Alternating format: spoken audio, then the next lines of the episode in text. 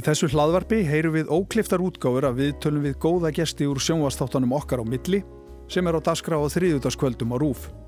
Hér heyri þið áhugavert fólk, tala um lífslöpsitt, lífsreynslu og hugðarefni. Og munum, fólk þarf ekki að vera frekt til að vera áhugavert. Ég heiti Sigmar Guimundsson og þetta er okkar á milli. Í raun má segja að það sé nánast kraftaverk að gestur minn í kvöld geti gengið um á tveimur jafnfljótum.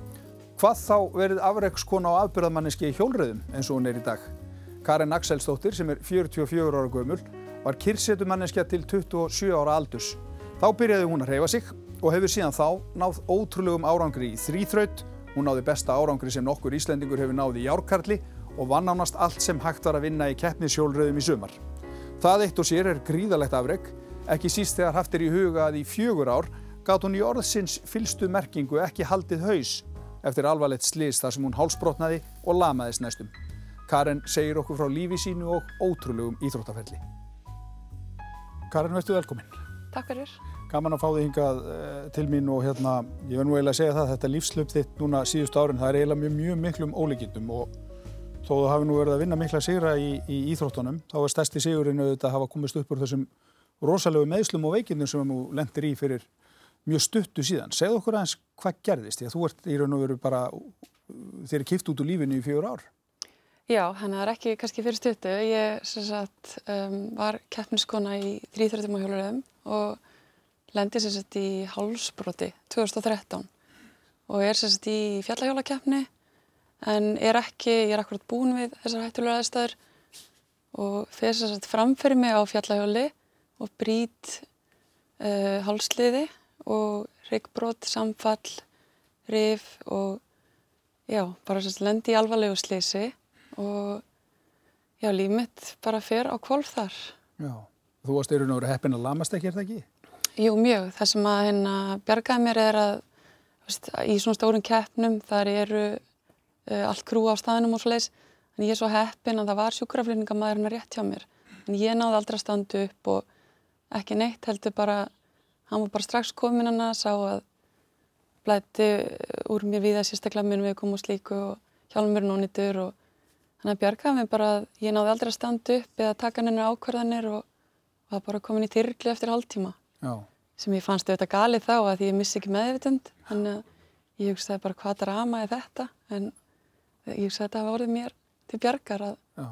Þú áttarðið auðvitað ekkit á því hvað þetta var alvarlegt fyrir síðan en heldur betur var þetta alvarlegt og hafið miklar afleðingar í förbeðsýrti. Já, það er svo skrítið sko að um, þér er alveg kipt úr lífinu. Þú ferð í spelku sem er hérðan og hingað og þú þart aðstóði allt, þú þart aðstóð við salurinsferðir, við að drekka vasslas, allt þetta. Og það er svo skrítið þegar maður vinnu við að vera heilbreyður, vinnu við að reyfa sig. Mm. Vist, ég vinn ekki tölvu þannig að þetta er kannski þeimun meiri viðbriði að vera svona ósjálfbjörga og alveg kyrsettur þannig að það var rosa sjokk. En svo er ég náttúrulega þjálfið í því að um, úttilsýþróttafólk, við erum þjálfið í sársöka, við erum þjálfið í bara að halda áfram. Þannig að þegar við lendum í erfileikum eða eitthvað vondið að sárt, þá, þá er það þraut þjálfað í okkur að akkurat þar kemur okkar styrklegi fram og við bara höldum áfram. Já. Og þannig ég er svolítið svona, kannski skautaði svolítið yfir þetta og held þetta er ekkert mál. Um, ég áttaði mér þetta auðvitað strax að því að kannski íþróttaferillin er ónýtur en Ég áttaði með aldrei á því að ég myndi missa mörg áru mínu lífi og, og að þetta er því, þessi barningu sem hann varð. Hvernig, hvern, hvernig barningur var þetta og, og svona, þú varst náttúrulega þetta lamið niður aftur og aftur Já. á þessum tíma? Já, sko það sem gerist er að uh, allavega, ég, ég veit ekki með, ég hef brótið útlimi og það er ekkert mál, þá ertu bara í gipsi eða hægjur eða eitthvað í nokkra vikur mm. og svo bara ferðu, en þú heldur alltaf daglega lífinu áfram og þú mæti bara í vinnu og, og ferðu bara rólega inn í leikumisal að gera þitt. En þarna þá ég misti þess að bara alltaf stjórn á höfðinu þannig ég held ekki höfði. Og þetta er svolítið eins og ég voru hort á hennar Alcatraz Escape from the Alcatraz þegar þeir voru settið með svona hjártbrinni á hausinn og mm. uh, mér leiði bara eins og ég væri með þunga mótíuleg hjálm allt á þunga hjálm og haustum allan daginn. Þannig að ég held ekki haus þannig ég var kannski fín í 2-3 tíma en svo var ég bara hér og þurfti alltaf að ganga svona um og og þessu fylgja veist, ógleði, uh, miklir hausverkir og bara oft svona hýta vella því líka mér að það er ekki við þetta. Þannig mér leiðilega bara eins og alltaf ég væri með eitthvað rosalega þungt á hausnum öllum stundum og oftast þess að ég væri að fara að fá flensu veist, í körstunum. En svo átt ég alveg góða kapla á milli og en þeir, því miður, þeir voru bara ekki nú margir og þetta fór bara svona hægfara niður, niður á nokkur árum. Þannig að til að byrja með myndi ég segja átti miklu fleiri góða kapla, fór þá strax og fullt og strax að reyna að hjóla, strax að reyna að vinna en svo fjekk ég alltaf þessi bakslög að taugakerfið var greinlega í mólum, eða veist, andlega var ég greinlega í mólum og aðalega bara ég held ekki höfði. Já, bara, bara í orðsins fylgstu merk, merkingu þá helstu ekki höfði? Já, ég kom heim til mín og fór oftast bara beint í kraga eða var komin inn á allstæðar sem ég fór þá ert ég alltaf að hugsa eins og hér, ég hef ekki geta verið hér því hér er ekki veist, eitthvað sem ég get orðið svona Já. eftir ákveðin tíma þannig að ég ert alltaf að skipleggja mig hvar get ég halla mér Já. þannig að Og svo við tökum það skýrt fram Íþróttaferlinu var ekki lokið því að þú náður upp úr þessu og í sömur þá vannstu allt sem hægt var að vinna nánast í hjólröðum. Já. Eins og ótrúlega og það ljómar. Já, þetta er... Þú er eiginlega að segja okkur að þegar sko þú ert svo langt niðri, já. hvernig kemur þér upp úr þessu?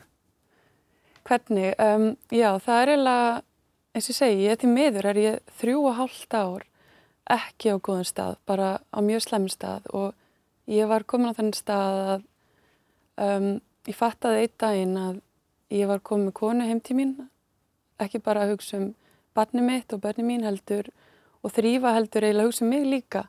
Því að ég hafði alltaf áður svona náða fungera og en þarna var ég greinlega bara hægt að fungera og húsið mitt er á tveimur hæðum og ég var farin að hugsa bara okk í dag ætla ég tvísvar upp og það verið aðeinslegt að ég kemst út í samköp og út í götum hundin og, og svo var ég veist, ég áttaði mikið að því hvað þetta var hann slæm mm. að þetta gerðist á svo lengu tíma veist, ég var alltaf að fá sér köst en svo var þetta allt í hún orðið svona stanslöst og þá fattaði ég bara ok það sem ég er að gera er ekki að virka. Uh, þessi endurheng sem ég hef verið í uh, hún er ekki að virka. Og ég fattaði daginn, ég vaknaði bara og ég var bara, það er eitthvað mikið að hérna. En uh, ég þarf bara að fara að breyta öllu. Og kannski helsti viðsmunungurum var því ég fór að fatta bara Hvað gerði því að ég var íþróttakona, því að ég var afrikskona, því að ég var að vinna öll móti í því íþrótt og hjólrum? Hvað gerði þið til að komast þangað og hvað tólnótaði þar og af hverju er ég ekki að nota neitt af þessum tólum í dag? Og til dæmis, e, íþróttamæður, afriksýrtamæður, við erum með þjálfara. Við læfum þessu skeppnur en við erum með þjálfara, við erum með eitthvað sem leikstýrur þessu hjá okkur og við erum með lið, við erum með alla þessa besti kringum okkur. Uh, þú verður aldrei góður að æfa bara sjálfur, þú ert að æfa með þessum bestu.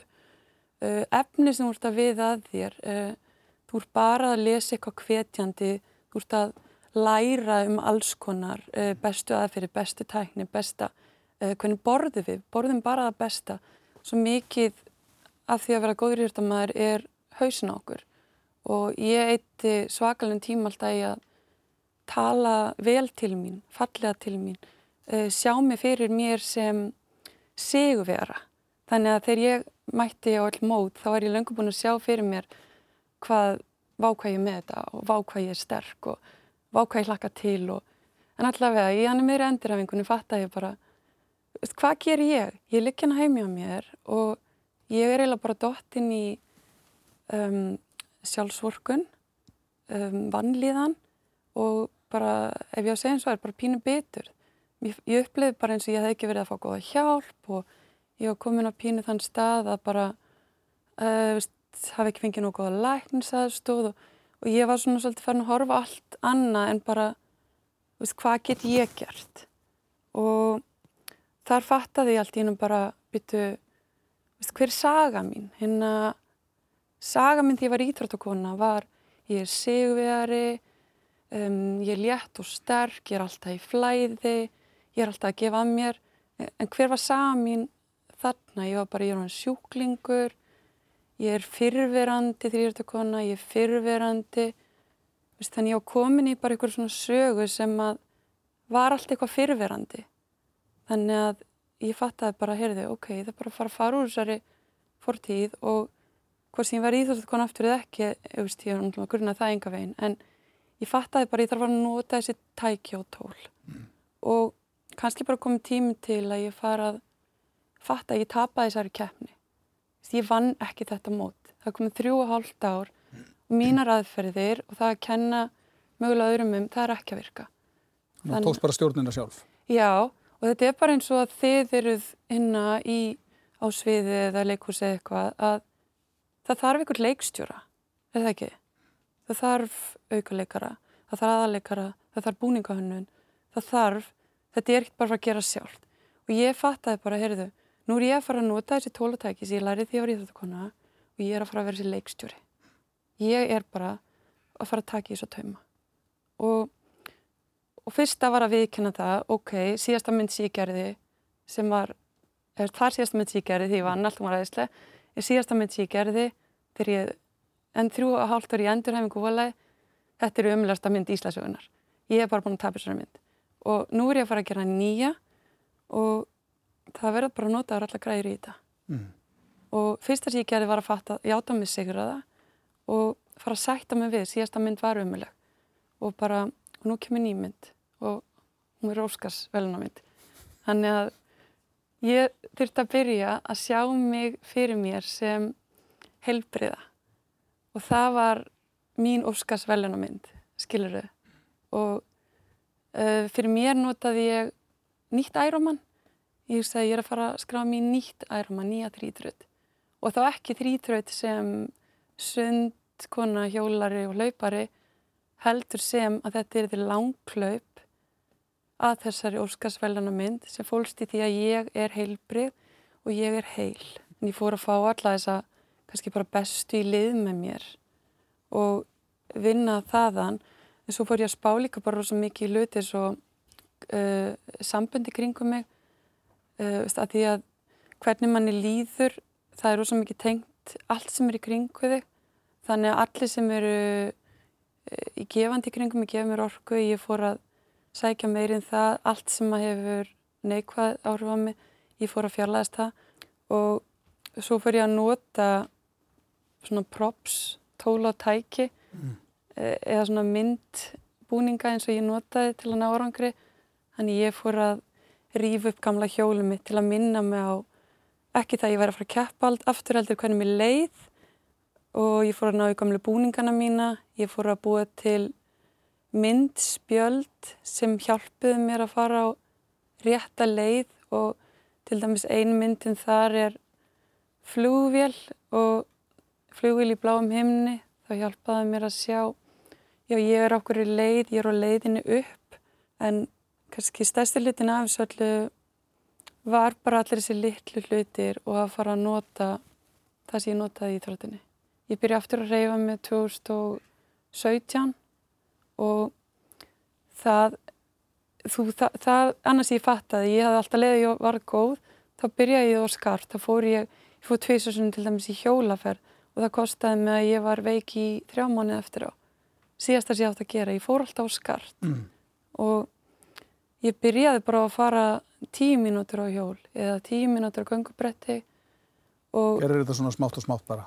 Rosalega hægt, já, byggðið mér svona svakalega hægtu Þannig að staðin fyrir að vera Íslasmestari í úttalsýðurtum og afriksýðurtum þá var þetta Íslasmestari í að fara hægt og gera hlutinu rólega. En leiðir ekki vel þegar þú varst komin í mark eftir þessar keppnir í sumar? Jú, þetta er bara, þetta er bara eins og í legasögu. Þannig að þegar ég byrjaði að keppa í sumar þá ætlaði ég bara að vera með og njóta og svo fattaði ég allt í hennum bara vá, heyrðu, ég er ótrúlega sterk og mér liður ótrúlega vel og ég bjóst alltaf við að fá sér varna við bara sem ég fekk alltaf að ég gerði eitthvað og þá voru þau bara allt hínum farin og ég ætlaði ekki að trúa þessu þannig að svona fyrstu tvö móti var ég bara okkur nú fæ ég bakslaði ég var svo vönaði ef ég gerði eitthvað ef eitthvað fór mm. yfir mörki mín að þá var ég mjög veikum í mjög langan tíma þannig að ég var, ég, ég var svo hissa ég var bara, býtu, er þetta ekki að fara að koma eða og svo bara leiti eitt og öðru og ég allt í hennu fattaði bara, heyri, ég er bara læknuð. Já. Þannig að Og við erum að tala um að þú varst að vinna stóru mótin, þú varst að vinna þessi stóru hjóluræðamót. Já, ég var sem sagt byggarmistari í, hvern, eða, veist, í hérna göttihjóluræðum. Þannig ég vann til þess þarst að vinna nokkuð byggamót sem eru bara þeir stærstu. Já, Og svo í fjallahjóluræðin líka og svo vann ég bláa lónið sem er stærsta hjólakefni á Íslandi. Og já, vestigötina sem er svona mitt uppáhals. já.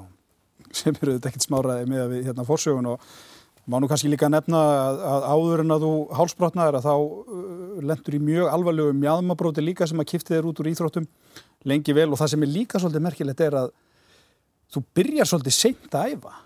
Þú byrjar að hreyfa þig að ykkur viti, mm komin svona nálagt þrítugu og ferð ekki að keppa fyrir 2031. Mm -hmm. Og það stegla kyrsötu mannskja. Já, ég var svona, ég var svona Bara, mjóslappur. bara, bara eitthvað bolti í sófanum eða hvað. Ég var mjóslappur skrifstofu maður, eða kona. Þannig að ég var búin að taka mataræði mitt í gegn um títugt og gerði það vel. Þá, þá fattaði ég að ég var búin að lifa bakarísmat í nokkur ár og byrja að fíkna og orðin svona, ég er alls ekki feit en tjöppi og hætti að fíla mig. Þannig ég tók mataræði í gegn fyrst. Og það var mér rosalega mikilvægt eftir síðar. En svo fattaði ég því að 27 ára á tvö börn að að þú veist, maður er ekkert að verða yngri og og, veistu, mér fannst bara einhvern veginn glata að ég var ekki ennum formi. En ég fattaði bara að vinna var að fara upp á ESU þá var ég bara svona oh, getum við ekki fara á kaffús eða og ég menn allan MR þá var alltaf verið að hlaupa í kringu tjörnina og ég þóldi það ekki. Ég var bara, oh, hverju getum við ekki bara verið inni að gera eitthvað annað og minna og minna erfiðara og Síðan tekur þetta bara mjög stóra ákvörðun eins og fólk gerir þegar það er ákveða íþróttafyrir sin. Þú gerði það þegar þú varst þunn heimahöður. já, já Hvað var í gangi það? það sem var í gangi þar er að hérna ég var sagt búin að koma mér í mjög gott grunnform til að koma mér í gott grunnform uh, lærði ég enga þjálfin og hérna en var sem sagt bara komin í svona gott gymform okkur svo leis en svo fannst mér bara uh, mér hafði lengi vant ég fundi bara að mér langaði eitthvað svona áskornir eða eitthvað svona skemmtilegt og en þar á þeim punkti var akkurat félagslífi hans tekið við. Við vorum flutt til London og og í rauninni lífi í útlöndum er mjög rólegt en við vorum í stóri Íslandika Íslandika samfélagi þar sem var mjög mikið í gangi og margir hýttingar og, og breytar á 50 dögum fara oft á pöppin Svolítið verið að sulla. Já, veistu, mér fannst ég alltaf oft vera bara að vakna hálþunn og ég var einhvern veginn komin á svo braut hvað reyfing og mataræði og bara horfli lífstíl ég var svona búin að fá bræðskinni að því hvað þetta er dásanlegt og hvað maður verður hvað mann líður alltaf vel. Og allt hínu þarna var ég farin að upplifa bara, heyrðu, ég er bara, við erum bara farin að sulla svolítið. Og mér fannst þetta orðið svona bara, öh, veist, ég veit það ekki. Og það sem gerðist þarna er að ég var í einu partíi og hitti sérst einn veginn minn sem var hann var sérst að leina í þrýþrödd olimpíska þrýþrödd fjórum mánuðið setna í Jersey. Mm. Og hann spurði bara eitthvað, hei, kemur ekki með og hérna akkurat þar, eftir ég talaði við hann, fór ég ólinn í skotinn og vaknaði svo heima bara, já, bara mjög þunn og mér leiði mjög illa og ég hugsaði bara, hér endar þetta. Vist, ég er bara farið þess að þrýþröð og nú bara tekum við heilbröð lífstíl og ævintýri og ég ætla að gera þetta.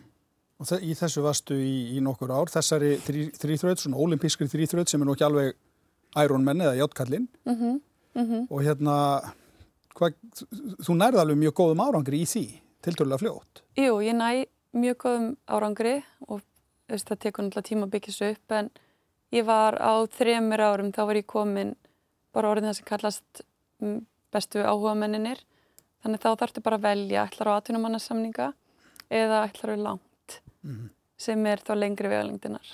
Ég fer yfir í lengri vegalengdinar, sem er þá Ironman eða hvað. já, já og, og það var bara eðislegt. Mm. Varst orðin atvinnumanniski eða hvað? Já, ég var akkurat búin að skrifa undir atvinnumanna bara plaggið og búin að vera að æfa í fimm mánu þegar ég sérst lendi í mínum slísum. Já, og þá, þá, þá fór möðmenn, en þú varst náttúrulega búin að ná þeim árangri þegar ekki, þú hafðir uh, náð bestum árangri sem nokkur Íslendingur hafði náð í, í Játkalli eða ekki, Jú, jú, ég náði því, að, sama hvort um var að kallið á konu. já, Ha. já, reyndar, já, ég náði æðislum, þetta var alveg frábært, þannig að náði mjög góðum árangur þar. Þú veist, fyrir venilegt fólk út í bæ, það skilur þetta ekki að því það er að byrja á núlpuntinum og hugsa bara játtkall, já, er þetta ekki að synda fjóra kilometra hjóla til stikkir svona svo tilbaka og svo leipa marathón. þetta er svolítið þannig. þetta er það og ég, ég tengi alveg við þetta í dag að því að ég er, þó ég sé aftur byrja að keppa þá er ég ekki á í þeim veruleika Nei. en hérna, en staðrindin er að þú byggið upp í þetta og ég byggðum upp í þetta á hvað fjórum árum og þetta verður rosalega lítil við. Þetta var svona ferlihjáður er sófinn, þingan, þrýþraut þetta. Já, já. Það er svolítið þannig. Já. En síðan kippa örlegin aftur í og hérna, þú náttúrulega mjadmabrótnur, það, við vorum að tala um hálsbrótið áðan en þetta mjadmabrót, það var auðvitað svakalegt líka. Þú meðist alveg hrika lítið þar. Já, þar kannski varð skýrt að þrýþrautaferillin var búinn og ég er svo að fólk heldur kannski hjólurjar sé eitthvað svakalega hættulegar en ég var á leiðin á sundæfingu með hóp, bara með bakboka róleg að, og ég er sérst bara lendi á oljubletti og lendi í svona hröðun þannig að ég bríti sérst á mér uh, mjöðmahals og í kúlu og jú, þar fekk ég bara staðfest að uh, ég fekk staðfest að ég mætti ekki hlaup í eitt og halvt ár að því að það er æðan í gegnum beinið og það tekur eitt til eitt og hóllt ár að koma staði hvort þú þurfi gerfilið eða hvert að beini lifið af. Og þetta hefur auðvitað verið svolítið áfall? Þetta var, þetta var svakalegt áfall og líka því bara það tekið mér svo langa tíma að fara að gera þess að ég elskaði. Ég elskaði viðskiptafræðinu og ég elskaði vinninu mína og allt þetta en þegar ég byrja í sportinu að ég varð bara svona listamæður og ég fór að ég gaf allt frá mér um, og gaf alla praktík frá mér. Þetta, þetta er ekki praktíst að fara úr kannski góðum launum eða segja ekki já við góðu starfi og fara að elda íþróttaferil. Það hljómar ekki sem skinsamlega ákverðin en staðrindin er svo að þegar þú elskar eitthvað ná mikið þá verður þú rosalega góður í því. Og ég var bara, já þó ég segi sjálf frá, ég var bara svo blóm í ekki. Hvort sem það var sem íþróttakona eða þjálfari og þetta var bara orðið mitt líf og indi og það að fá allt í hinn þetta í andletið að Þú varst bara að hætta í þessu? Já, þetta var í sæðis lýsingu í viðtalinn daginn, þetta er bara svo sért málari að mála og svo bara er allt hinn handin farin af og þú átt alveg gott líf og þú getur verið að gera rosa margt annað en þú ert ekki að fara að mála og fyrir mér að fá þessa frettir var það var náttúrulega bara alveg eins og mm. það er svakalegt sjokk þegar að eitthvað sem þú er þitt líf og þinn lífstíl að það er tekið frá þig. Það er eitthvað nefn bara. Já það er rosalega sárt og Og þarna varstu í þessu hvað, í hvað langa tíma, eitt og halvt ár? Já, ég var áriði og þá eitthvað nefn bara staðin fyrir eins og það að dveljast, því að þetta er náttúrulega bara mikil sorg, þetta er, þetta er sorgaferli að fara í gegnum svo leiðis, en ég sá það ekkit þar. Ég sá það ekki fyrir að ég lendi aftur á kvolvi að ég kannski hafði aldrei stíð inn í korkið þá sorgni aðrar sorgir eða áfællis ég að lendi í lífinu. Mm. Þannig að það var svo ég þyrti bara annað högg til að vakna og fara að hlusta á mig og fara að kafa inn í mm. það sem maður hefur upplifað hverju náður þarna á milli, milli mjadmabrótsins og, og hálsbrótsins? Náður að sinna einhverjum íþróttum? Vera... Já, ég var hálft ár alveg út, mm. þannig að þú ert, þú ert, ég þú ert líka mjög mikið tekið nú lífinu til mm. þannig áverki að þú ert mjög ósjálfbjörga, þannig að ég fekk, þá veitur hún og þess að ég fekk þar mjög mikið er að þú verður að læra að vera einn og þú verður að læra að vera einn með sjálfu veður og þú verður að elska að vera með þér. Því þú er bara einn, þú getur ekki gert allt, skilur mm.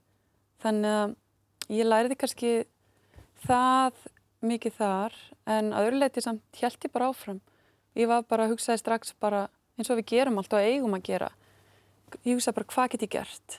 Ekki hvað get ég ekki gert? Mm. hann er staðin fyrir að hugsa bara ok, nú er þrýþurðaferlin ónýtur og, og ég hef takkmarkaðan áhuga að þjálfa þess að ég get ekki veist, verið í skiluru en það fór ég samt bara fullt í hjólurriðar og eftir, já, eitt ár var ég orðið mjög góð hjólurriðarkonna og, og þá hálsbrótari já, já, já, Þannig ég var alveg komin aftur mjög langt sem hjólurreikona. Mm. Þannig að þá er aftur kipt undan mér. Og það voru fjögur ár en síðan er það að vera meistari eins og, eins og Já, við já, tölum um núna, já, núna síðasta svolítið. Og það skínuð þetta alltaf í gegn og maður heyrir það á þér og, og hérna, við vorum auðvitað að tala saman fyrir viðtalið og allt þetta að þetta er auðvitað rosalega mikið hugafar. Þetta stýst algjörlega um það hvernig þú bregst við áföllum. Þetta er alltaf að segja við sjálfan sig þetta verður allt í lægi. Mm Það er ekki sjálfgefið einhvern veginn. Nei. Þetta er það sem að eh, reyndar, ég bara fekk þetta í guðski að vera gladur og þakkláttur einstaklingur og bara takk og pappi fyrir það. En, að- en svo sporti líka þjálfar okkur ég haldi alltaf áfram. Því sem ég var að segja það að keppa í játkalli, ég meina þú ert ekki hress á hlaupalegnum. Þú ert búin að vera að í sex klukkutíma þegar þú ert að fara að hlaupa marathón og það er ekkit annað en hausinn þar. Þú ert löngu farin í öllum líkamannum þegar hitt ykkur við. Og þá er það hausinn að þér. Þannig að þetta er, er óbáslega mikið Þannig að þetta, þetta allt er hægt að heimfæra bara upp á Já. lífið í þínu tilviki. algjörlega. Þetta hjálpaði mér svo Já. svakalega að geta farið að sækja í þetta. Eh, Ég tek bara sem dæmis, venilegt fólk. Við erum aldrei í þessari neyð að þurfa raunverulega að gera eitthvað. Að þurfa virkilega að taka til í okkar. Fólk er kannski aðeins og feitt en það sér enga ástæði til að raunverulega taka til í matarinu. Það er aðeins með takk í bakinu en það er ekki alveg komið brjóstlós þannig að þurfi. Ég meni, ég sko bara viðkynna það, ég var bara komin á þann stað. Ég, ég hef alveg bara verið glöð að geta bara tekið öll þessi líf síðan orðin háð og vakna ekki á morgun. Ég hef alveg bara orðið ána með það. Veist, þannig að það kallast að vera komin í neyð og þá ferðu að vera svo skýr og hvað kallast það annað en að nota hausinn? Já, já. Skilur þau? Þarf engan bakurinn eða fjára eða nýtt í það. Þú þarf bara að Mm. byrja hér. En Þú sagði mig líka uh, fyrir viðtalið og svona kannski ágætt að fá þá pælingu frá þér í lokin. Þú sagðir að þetta væri í raun og veru bara hálfgeir blessun á söll. Já, já, Sem er Þetta svolítið skrítið því að þið eru kipt út úr lífinu í tvígang í fimm ár, allt í allt. já, en sko það sem gerist er að, að því að þú ferði gegnum svona eldskýr þá þurfti ég að sjá hlutina svo skýrt. Og eitt af því sem að ég hafði aldrei gert var að kafa inn í áföll svo ég misti bróðum minn því ég er fimm ára. Ég, einhvern veginn, auðvitað var ekkert gert í því þá, það er 1980 en það fór á áhrifum mig setna en þá er ég bara ákveðar liðin 30 ár síðan, þetta, það er ekkert að mér, þetta er bara rugl. Svo miss ég æsku vinkonu mína 2010 og, eða 2011 og ég bara aftur bara, uh, það fer allt undir teppið. Þannig ég tókst ekki á við neitt og svo þegar ég mjög brýt mig og missi þrýþrötaferilinn þá aftur stík inn í þetta. Þannig að þetta er svo mikið blessun að ég þurfti að horfa á þetta, ég þurfti að fara inn í þetta og ég fekk hjálp og ég var svo frjáls og mér líði svo vel. Og svo er þetta svo mikið blessun að því að ég bara finna að ég er svo auðmjúk auðmjúk fyrir það sem ég get gert fyrir að hána líkama fyrir að geta hjólað fyrir að geta keft og svo hefur þetta bara skert svo á samkemd við fólk ég finn svo hvernig fólki líður og þannig að þetta er ótrúlega gjöf, eða veist. Ef ég, Þetta er, þetta er blessun og gjöf eins og þú varst að nefna. já, Það er ótrúlega áhugavert að heyra þessa sögu hér. Bara takk hérlega fyrir að koma, Karin, og gangi ég vel. já, takk fyrir, takk Þetta var hlaðvarpið okkar á milli, óklift útgafa af sjónvastáttunum sem er í loftinu á Rúf á þriðutaskvöldum og eftir kastljósu og menningu. Ég heiti Sigmar Guðmundsson, takk fyrir að hlusta.